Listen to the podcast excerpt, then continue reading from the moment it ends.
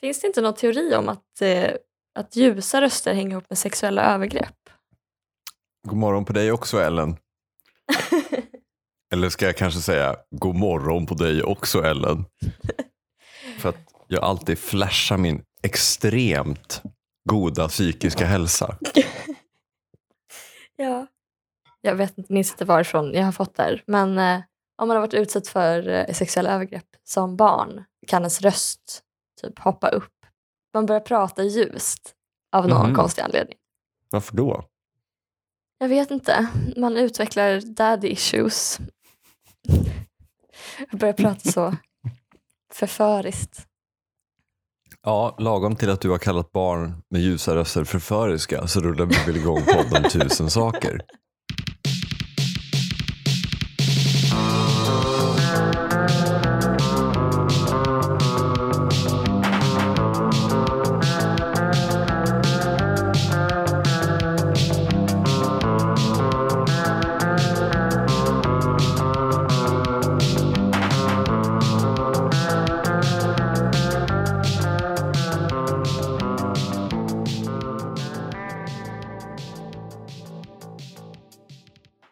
Är ju podden där vi betar av saker vi har skrivit i en lista. Ehm, Det har man säkert fattat vid, det här, vid den här punkten. Innan vi drar igång, får, jag bara liksom ta en grej som inte är en punkt? Mm. Som jag har blivit liksom rasande på i veckan i princip. Ja.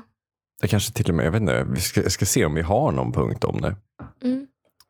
Vi har ju då inte kvar Sally för att hon har fått ett riktigt jobb. Så nu får vi själva gå igenom listan.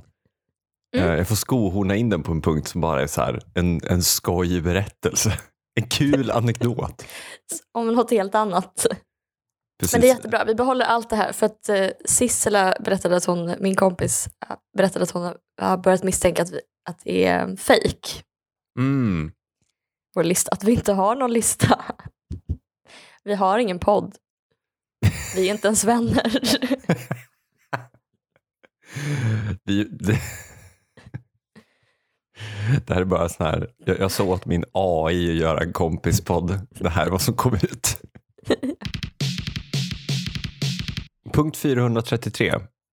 På tal om stress så var jag en gång så stressad på väg till ett möte precis vid Stockholm central att jag var tvungen att sätta på vägbeskrivning mellan Stockholm central och det här mötet på Stockholm central. Så jag sprang in i den här lokalen och glömde stänga av eh, vägbeskrivningen. Och eh, så när jag, så, och liksom när jag för, sprang in i mötesrummet fullt med folk så skrek min Google Maps sväng höger om 50 meter.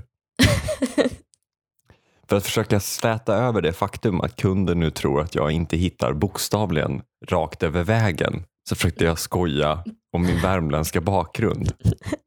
Men hittar liksom inte tonläget. Så jag sk- skriker ut. Haha, förlåt, jag är från Säffle. Vilket inte gjorde saken bättre som det lät som en förolämpning. Det som att du har kört från Säffle. Ja men exakt, fast jag egentligen har Det var ju på SJs huvudkontor, jag kan ju säga det här nu eh, så här i efterhand. Det var, det var ju på SJs huvudkontor, det ligger alltså mitt emot Stockholm central. Jaha. Ehm, på tal om min värmländska bakgrund. Så, nu, nu har jag skohornat inåt på de här punkterna. Känner du till Daniel Bäckström?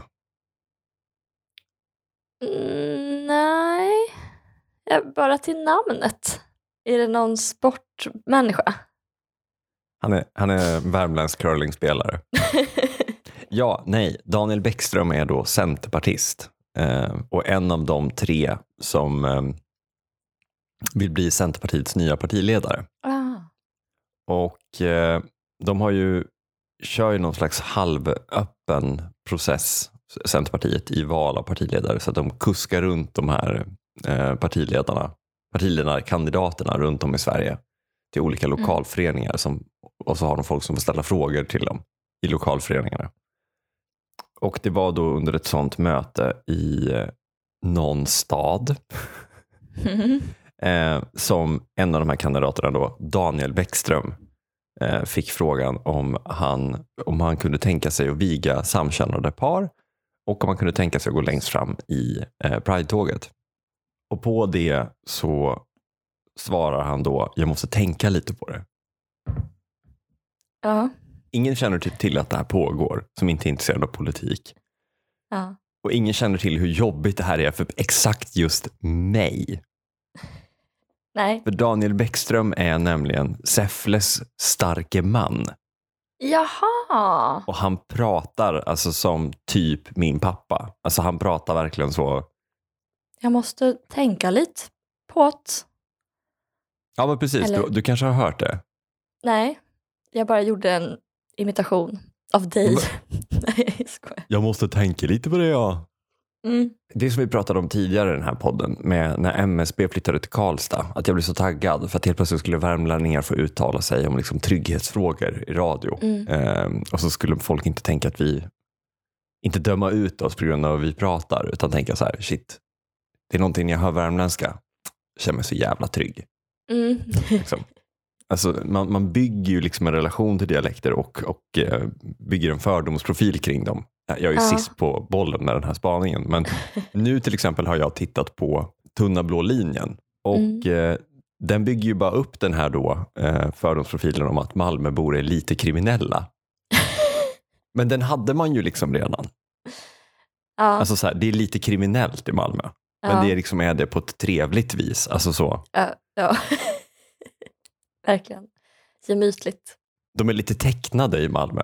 Att det är så här, någon ligger och förblöder och det är bara sjöamulla. Alltså det gör liksom ingenting. Eller så här, de, förblöder, de blöder inte ens i Malmö. Alltså någon blir knivhuggen och det kommer inte ens någon blod och de bara ja, och du är din fobik. Och sen är det liksom bra med det. Ja. Men man, ju också, man gillar det ju verkligen. Det är också coolt. Ja, men de är så, de är så, de är så chill. Liksom. Ja. Jag har ju pratat tidigare i den här podden om när jag jobbade med Systembolaget och var nere i, eh, på ett systembolag i, i Malmö eh, och skulle intervjua en person där. Och den så här, Mm. Det var ett systembolag i Malmö som låg bredvid en metadonklinik. Så det är liksom, och han som jobbade där var så jävla chill. Han bara, de får ena fixen på det stället och sen så kommer de hit och så ska de ha andra fixen. En gång fick jag kliva över en kille som hade fått en kniv i sig. Man bara, ha ha ha, vad kul. Men om någon sa det på stockholmska skulle man ju få panik och tänka att det är grovt kriminellt, eh, gängbrott, var är Morgan Johansson? Han drog kniv. Exakt, han drog kniv mot mig, mitt foodora bud Man bara herregud. Samma sak om en göteborgare någon drar kniv. Ja. Han drog kniv. Man bara, Ja. för att bre en smörgås jättefort eller? Vad skulle han göra?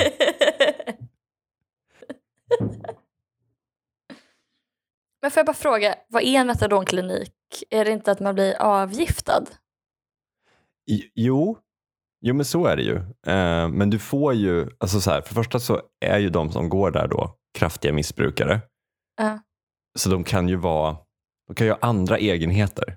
Det är inte som en, fan vet jag, en djuraffär. Så att eh, alla möjliga människor kommer dit och är så här, åh jag ska bara fylla på med Blå sand till mitt akvarium. Exakt. Ja, nej, min pump har gått sönder. Jag var lite stressad så in och köpa en ny pump till akvariet. Alltså, det är inte den stämningen utan det här är ju då tunga missbrukare. Liksom. Och Mm. när man då har fått metadon, när man fått sin fix, eh, då blir man tydligen väldigt sugen på sött. Många av dem är ju alkisar. Och är man då alkis sugen på sött? Dessertvin. Nej, ja, typ det, men framför allt så här, typ alkoläsk och cider.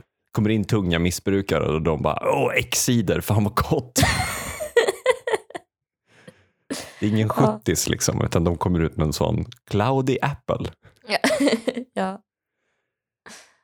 Okej, ehm, vad etablerade vi med det? Jo, dialekter har oli- olika fördomar över sig. Eh, Malmöbor är lite kriminella, det gör inget. Göteborgare är politiska, eh, stockholmare är på riktigt och lite dumma. ja. Men jag hoppades då att MSB, MSBs etablering i Karlstad skulle sprida liksom en god vibe av värmländska och visa att vi kanske, vi kanske kan bli den här trygga, kärleksfulla dialekten. Alltså Mm. hela Sveriges jättepappa som kommer att kramas. Mm. Men det gick ju åt skogen när MSB i Karlstad, det finns ju något gammalt poddavsnitt av det, eh, när de bara fick ansvar för massa datasystem. Och sen så dessutom så gick de datasystemen sönder så att de fick säga, fick bara stå i radio och säga att vi vet inte hur många skyddsrum det finns, vi tappar bort den nu. Kaffe. Så då hoppades jag ju på upprättelse då med Daniel Bäckström, favorit för att bli Centerpartiets partiledare Mm. i det här racet. Men då svarade han liksom fel på den frågan. Han har inte svarat på den än då. Han tänker väl. Bra, han verkar också trögtänkt nu. Toppen. Nej, men jag menar bara, alltså så här, säg bara att du gillar bögar. För det första, så här, alltså jag tycker att en svensk partiledare ska, den ska inte vara en homofob. Den, du, ska ha en, liksom, du ska inte låta religiösa övertygelser liksom, mjölka till din bedömning av alla människors lika värde. Eh, så då har vi det ur världen. Nu Mm. vet folk det. Men det är, mer, det är mer bara att du svarar fel på frågan. Alltså det är som är så här, du kommer flygplatsen, har du en bomb med dig? Nej. jag måste, jag måste tänka tänka på, det. på. Ja. För nu liksom det klippet som har gått varmt, det är ju verkligen så här. Kan du tänka dig att viga samkönade par? Ja, jag vet inte det här vet du. Man bara, åh gud, vad bra. Nu är Säffle-dialekten liksom spikad. ja. Tack Daniel. Jag tänker att det är liksom att när man säger det, om en stockholmare hade sagt jag måste tänka på det, då Mm. hade det varit homofobi. Ifrån, där jag är ifrån, där hade det definitivt varit homofobi. Mm. Jag måste tänka. Är det för, liksom första gången någon från Skaraborg har tänkt på någonting? Det kanske är det, alltså, om man har svada eller inte. I vanliga fall, Stockholm har en sån svada ju. Att det bara pågår. Skaraborgare har svada. Malmöiter har svada. Värmlänningar har ju inte svada. Nej, det har du faktiskt rätt i. Det är ju en, ehm, det är ju en dialekt där man lägger ifrån sig det man säger. Nej, men nu ska det bli gott med en kaka. Alltså det, det är liksom, Man menar vartenda ord och står för det. exakt. Och det fortsätter väl så längs med hela liksom nord, alltså Ja, det är därifrån ungefär och upp som man inte har svada kanske. precis. Alltså de- den delen västerut och sen så fortsätter det ju liksom norrut där. Och det- är när vi ändå är på det här ämnet, alltså svara bara på frågan. Svara Mm. bara rätt på frågan. Har du kniv? Nej. Ja, men det är som de här jävla bankfrågorna man får. Mm. Ja, just det. Så här, är du släkt med eh, Ulf Kristersson? Nej. Har du tagit emot en okänd summa pengar från Saudiarabien? Nej, det har jag inte. På samma sätt så har ju Daniel Bäckström svarat fel på samma sätt som Pontus Rasmusson har svarat fel. Verkligen. Du, du får en fråga, du, i, skjutjärnsjournalisterna i Lilla Aktuellt bjuder in dig. Ställer den jättesvåra frågan, knulla barn? Frågetecken. Du bara, jag måste tänka på det ja. Alltså. Säg nej! Jag säger Ja. det här 100% ur min roll som kommunikationskonsult. Så man får Mhm. frågan så, knulla barn? Frågetecken. Så bara, "Ne- nej tack, det är bra. Inga barn för mig. Men att då få frågan, knulla barn? Nej, kanske inte just nu. Kanske sen. Får jag passa lite där? Ja. Knulla barn. Å ena sidan och å andra sidan. Du behöver bara svara nej. Det, alltså, jag kan verkligen på ett sätt relatera. Är liksom, jag kan verkligen förstå impulsen att inte vilja ge ett kommunikatörssvar eller rätt svar när det är Mm. uppenbart vad som förväntas. Då vill man ju kanske säga något oväntat, intressant, kanske ha en... Det är kanske för att vi lever i en tid av hot takes som de här Mm. människorna tvångsmässigt måste ha en lite ny vinkel på knulla barn då. Det är ju någon slags eh, sån poddkultur att vilja inte liksom säga rätt sak utan bara testa någon ny vinkel liksom. Du menar att alltså, både Daniel Bäckström eh, och Pontus Rasmusson de är inne i den här nya kulturen med just liksom Galaxy brain-kulturen. Eh, Exakt, can I, can I flip the table here? De är den sista rutan den, i det här meme-formatet. Den här hjärnan med jättemånga strålar. Vad är egentligen ett barn? Jag var egentligen knull. Vad är knull? Men så det är, det är möjligt att det inte alls framställer Säffle i dålig dager, utan det bara framställer er som otroligt sofistikerade intellektuella. Att, att de kommer sitta sen i, i SVDs ledarpodd och få lägga ut texten. Liksom. Ja, Kanske sitta och näsfnissa med eh, Max V Karlsson i ETCs ledarpodd. var med i Bunga Cast. Här är min hot take Ja, på pedofili och bögar. Punkt 496. Tidigare burna via brev med utdelning en gång om dagen så har de ömma kärleksfraserna makarna emellan nu flyttat till Messenger. Eh, Slutcitat. Är romaner uppdaterade till samtiden det tråkigaste vi har? ja. Det här är en punkt som du har skrivit. Det kan, är det det? Har jag haft en hot Ja. take på romaner? Det, jag tror det. Det verkar Ja, men inte jag- bättre. Det är roligt, jag kommer liksom ihåg hur jag typ kokar eh, när jag liksom skriver den här punkten. För att jag läste Mm. någon, någon recension eh, om en roman som hade uppdaterats för samtiden. Mm. Och då hade, det var ett exempel jag tog upp då var att kärleks, kärleksbreven älskarna emellan nu hade översatts till chatt. Ja, Eh, och så fick författaren prata om vad det innebar. Eh, liksom, att det förändrats, kärleken förändrats temporalt. Istället för kärleksbrev som kommer en till två gånger om dagen så kan man konstant bara ha en levande diskussion om kärlek. Mm. Ehm, jag tycker att det här är ett större problem när det kommer till teater. mm, Alltså man kan verkligen ge sig fan på att eh, en regissör alltid kommer vara så eh, Medea i, på ett rymdskepp. Eller jag vet inte. Medea fast i Filippa K. Sponsored by. De visar upp sin höstkollektion och det är teater. Ja, Och gud, det är i och för sig en ganska bra idé. Hör av er till mig. Men du har ju en poäng. Alltså det, det är ju mer regel än undantag att någon liksom, vad skulle hända om Romeo och Julia träffades på Tinder? ja. Nej, men för det, är så det är så himla gott självförtroende att tro att man kan uppdatera Shakespeare och göra det bättre än vad Shakespeares manus redan är. Du kan ju bara googla på Romeo och Julia modern tappning så kommer du få upp typ Växjö stadsteaters uppsättning. Ja. Romeo och Julia modern tappning. Shakespeare i modern tappning, Blekinge. En klassiker i modern tappning, Skaraborgs länstidning. Eh, Shakespeare i modern tappning. En oväntat modern Romeo och Julia. Romeo och Julia i ny tappning, Nya Kristinehamns-Posten. Man förväntar sig att det ska, allt ska vara som typ modern fantasy. Men det Ja. är ju liksom, det är så konstigt. Det, det knarkar folk som fan. Det Ja. är ju komplicerat om något. Det är liksom Ja. 40 kungaätter att hålla koll på som slåss fram och tillbaka. Och de är dessutom av olika liksom raser Ja. eh, med olika beskrivningar och långa öron och så. Mm. Medan liksom klassiker, förvånansvärt mycket är det typ någon som sitter och dricker kaffe någonstans liksom, och känner något. Mm. Mm. Och det resonerar med en på ett vis som bara den boken eller den berättelsen kan. Ja.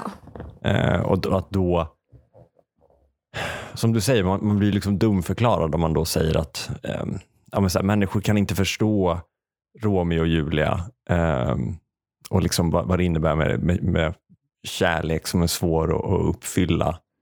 Eller den brinnande kärleken om det liksom inte de ser en iPhone. Nej. Det här har inget med mig att göra. ja, exakt. Nej, men för det, för det blir extra provocerande när det är så... Alltså för att hela grejen med Shakespeare är ju också att det är väldigt bra skrivet. Och det tror jag är ganska vanligt, att man, man tar mer av en ramberättelse och sen fyller Mm. man i med sitt eget eh, manus. Då. Eh, och det är väl kanske lite arbetsmarknadsåtgärd också. att man bara ska ha något att göra. Men eh, det är inte ramberättelserna som är det intressanta oftast utan det är ju kanske språket just. Och replikerna, att det är så väldigt roliga, vassa Mm, eh, mm. replikväxlingar. Det är inte så två bröder har en maktkamp om tronen och den ena liksom går bakom ryggen på och så vidare. Mm. Och de konspirerar. Alltså det är inte det som är att man bara, gud vad jag verkligen skulle vilja höra om två aspiranter på tronen. Mm. Nej, men alltså, med det sagt, jag har ingenting... Alltså, så här, jag tycker att det är spännande att man utforskar nya aspekter av äldre texter. Och vare sig man jobbar med ramberättelsen eller om man jobbar med språket eller vad man gör. Liksom, det jag känner att jag mer, om man ändå ska ranta lite, vilket man behöver göra om man har en podd, så, så vill jag mer påpeka att det är just det här greppet teknologi Mm. som jag tycker känns slappt. Att uppmuntra. Då tycker jag till och med, och trots att jag verkligen hatar det för att jag eh, gillar inte hippies, ehm, men då tycker jag ändå det kan vara fascinerande med människor som typ stoppar in klimathotet i olika eh, sådana stora berättelser. Just för Ja. att det mer är som en stand-in för typ döden. Alltså så här en Ja. långsam, obegriplig död. Och det är ju, Ja. alltså, klimathotet är ju precis som döden, att det är obegripligt. Ingen vet hur det kommer slå till Mm. 100 procent. Mm. Eh, vi vet att det kommer, men hur? Är det något som kommer drabba mig? Hur kommer det i så fall drabba mig? Kommer det drabba mina barn? Mm. Ehm, hur kommer det drabba dem? Alltså liksom, det är de här stora mänskliga frågorna. Men just så, en midsommarnattsdröm, fast på TikTok. Alltså så här, jag vet inte, det bara känns, vad fan. Alltså, någonstans också, Tinder, TikTok, Facebook. Alltså, Det är Ja. samma sak som Frosties, Nesquik, eh, kalaspuffar. Eh, Alltså, det är också bara produkter Ja, det, det blir liksom så Verkligen. märkligt att så här, vad, produktplacera. vad skulle hända med Hamlet om alla åt pågenlimpa, registered tra- trademark? Alltså, det är klart, liksom, teknologi förändrar, men uppenbarligen inte. Alltså, om det hade förändrat det radikalt så hade man ju kanske inte kunnat sätta upp det. Alltså, hade det varit obegripligt till att börja med, om det var, då hade man inte kunnat sätta upp det alls. Eller? nej, men- men exakt, alltså, om det hade varit så att, att teknologin hade, det är väl det här Ellen, alltså, om det hade varit så att teknologin hade varit så omvälvande att vi inte hade kunnat förstå eh, äldre saker, då, då förstår jag det. Liksom, om vi alla hade slutat prata och bara börjat kommunicera genom små eh, paket som skickas via IP, alltså, eh, då fattar jag. Men, men det blir, det är någonting med många av de här texterna som, som vi har varit inne på så många gånger tidigare, om det är så att det är jättevackert språk eller de verkligen fångar det mänskliga tillståndet, det arketypiska teman. Det kanske är ett sätt att, att liksom omformulera någonting som känns som ganska vardagligt men som skaver i väldigt många människor och lyfta upp det till ytan så att man alla kan prata om det eller känna det eller vad det nu kan vara. Att då känna att så här, mm, människor kan inte relatera till det här om vi inte kastar in liksom en produkt. Folk kan inte relatera till en välskriven text. För det finns inga välskrivna texter idag. Vi måste göra den dålig så att folk förstår, känner igen sig. Nej, men jag, jag håller på och läser um, en bok som handlar om, fan, jag låg och läste den här igår natt, men jag, jag kommer inte ihåg titeln eller författaren. Kapitalism realism heter den. Jag tror att det är ett citat av Marx i där. Kapitalismen dödar allting eh, när de sätter en prislapp på det. Mm. För då spelar det ingen roll vad du beskriver det som. Det går, all, det går alltid att beskriva med 299 i månaden. Ja, exakt. Det är ju Ehm, Marx. Ja, nej men då, då, det, samma sak blir det ju då. Att, att beskriva liksom känslan av den omöjliga kärleken eller känslan av att liksom inte passa in riktigt mellan två olika världar. Liksom känna att man kan springa mellan båda men aldrig vara hemma någonstans. Liksom. Om det då bara blir, eh, ja, känner du igen dig av det här? Okej, men Western Union kan hjälpa dig att skicka pengar mellan dig och de du har kvar i ditt hemland. Sponsored by Western Union. Alltså, jag vet Ja. inte. Det bara förtar allt. Luften går ur ballongen. Liksom. Ja. Men du ska göra en modern tappning som avslutning på dagens podd, eller hur? ja.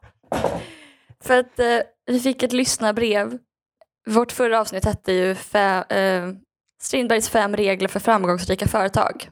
Och då så tyckte din bror att det hade varit kul att höra vad Strindberg faktiskt har för fem regler för företag. Han tyckte det var falsk marknadsföring att vi inte pratade om det. Så att nu har jag kollat upp vad Strindberg har för regler för framgångsrika företag. Åh gud, jag älskar det här. Och det här är då ur eh, August Strindbergs Lilla katekes för underklassen. Mm. Och tyvärr då så är det Mm. sex regler han har, inte Mm. fem. Vilka medel begagnar överklassen för att hålla underklassen under sig? Religion, politik, lagar, vetenskaper, konster och moral. Och sen går han då igenom på vilka sätt eh, kapitalistklassen använder de här. Mm. Ja, men vad sa du? Vi- vad- Vad, ska företagen använda sig av? Religion, politik, lagar, vetenskaper, konster och moral. Jag ska inte gå igenom alla, men jag kan bara läsa upp några Mm. exempel på. Mm. Eh, Politik då till exempel. Vad är politik? Statskonst eller överklassens konst att hålla underklassen under sig. Med politik menas även ett bedrägligt förfarande. Vad är utrikespolitik? Samarbetet mellan de olika nationaliteternas överklasser. Vad är lagar? överklassens uppfinning att på så kallad laglig väg hålla underklassen under sig. Vad är ekonomi? En vetenskap uppfunnen av överklassen för att komma åt frukten av underklassens arbete. Vad kallas frukten av underklassens arbete? Kapital. Kan kapital existera utan arbete? Nej. Därför skulle kapitalet vara arbetets slav och icke tvärtom. Kapitalet behärskar arbetet genom va- vapenmakt och undanhållande av existens och produktionsmedel. Brackan har alltid gardisten bakom sig. Det här är ju då ett jättebra tips till företagare. Beväpna er. Ja, skaffa en gardist. Sponsored by Avarn Security. Jag slänger in det här så att Ja. i modern tappning. Vad är historia? Berättelsen om det förflutna, för så vitt det framställes i en för överklassen förmånlig dager. Vad är moral? En rättskänsla som av överklassen disciplinerats i avsikt att narra underklassen till ett stillsamt levnadssätt. Vad är samvete? Känslan av att man icke lytt en föreskrift. Att döma av överklassens handlingar saknar den också allt samvete. Helt naturligt då dessa föreskrifter endast är avsedda för underklassen. För sig själva har de endast en lag. Vad jag gör är rätt. Det här är så bra. Genom vanans makt har överklassens föreskrifter blivit så inrotade att de stundom uppträder som samvete. När därför överklassen väder till vårt samvete framkallar den endast minnet av dess föreskrift. Ja, så där har vi några Några goda riktigt råd goda råd. Upprätta ett moraliskt system som undertrycker arbetare.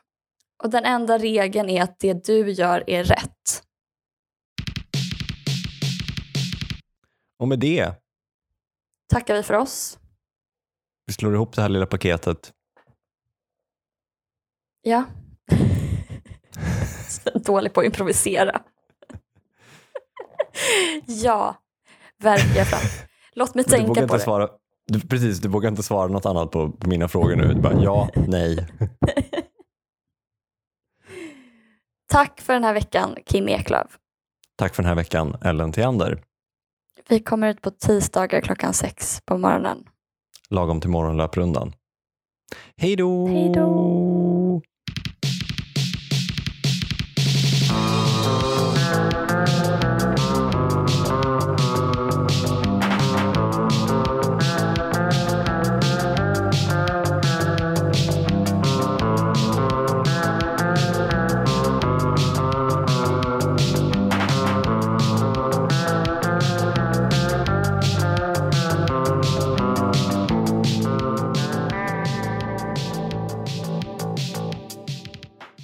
Alla underklassens angrepp på överklassen kallas hämnd.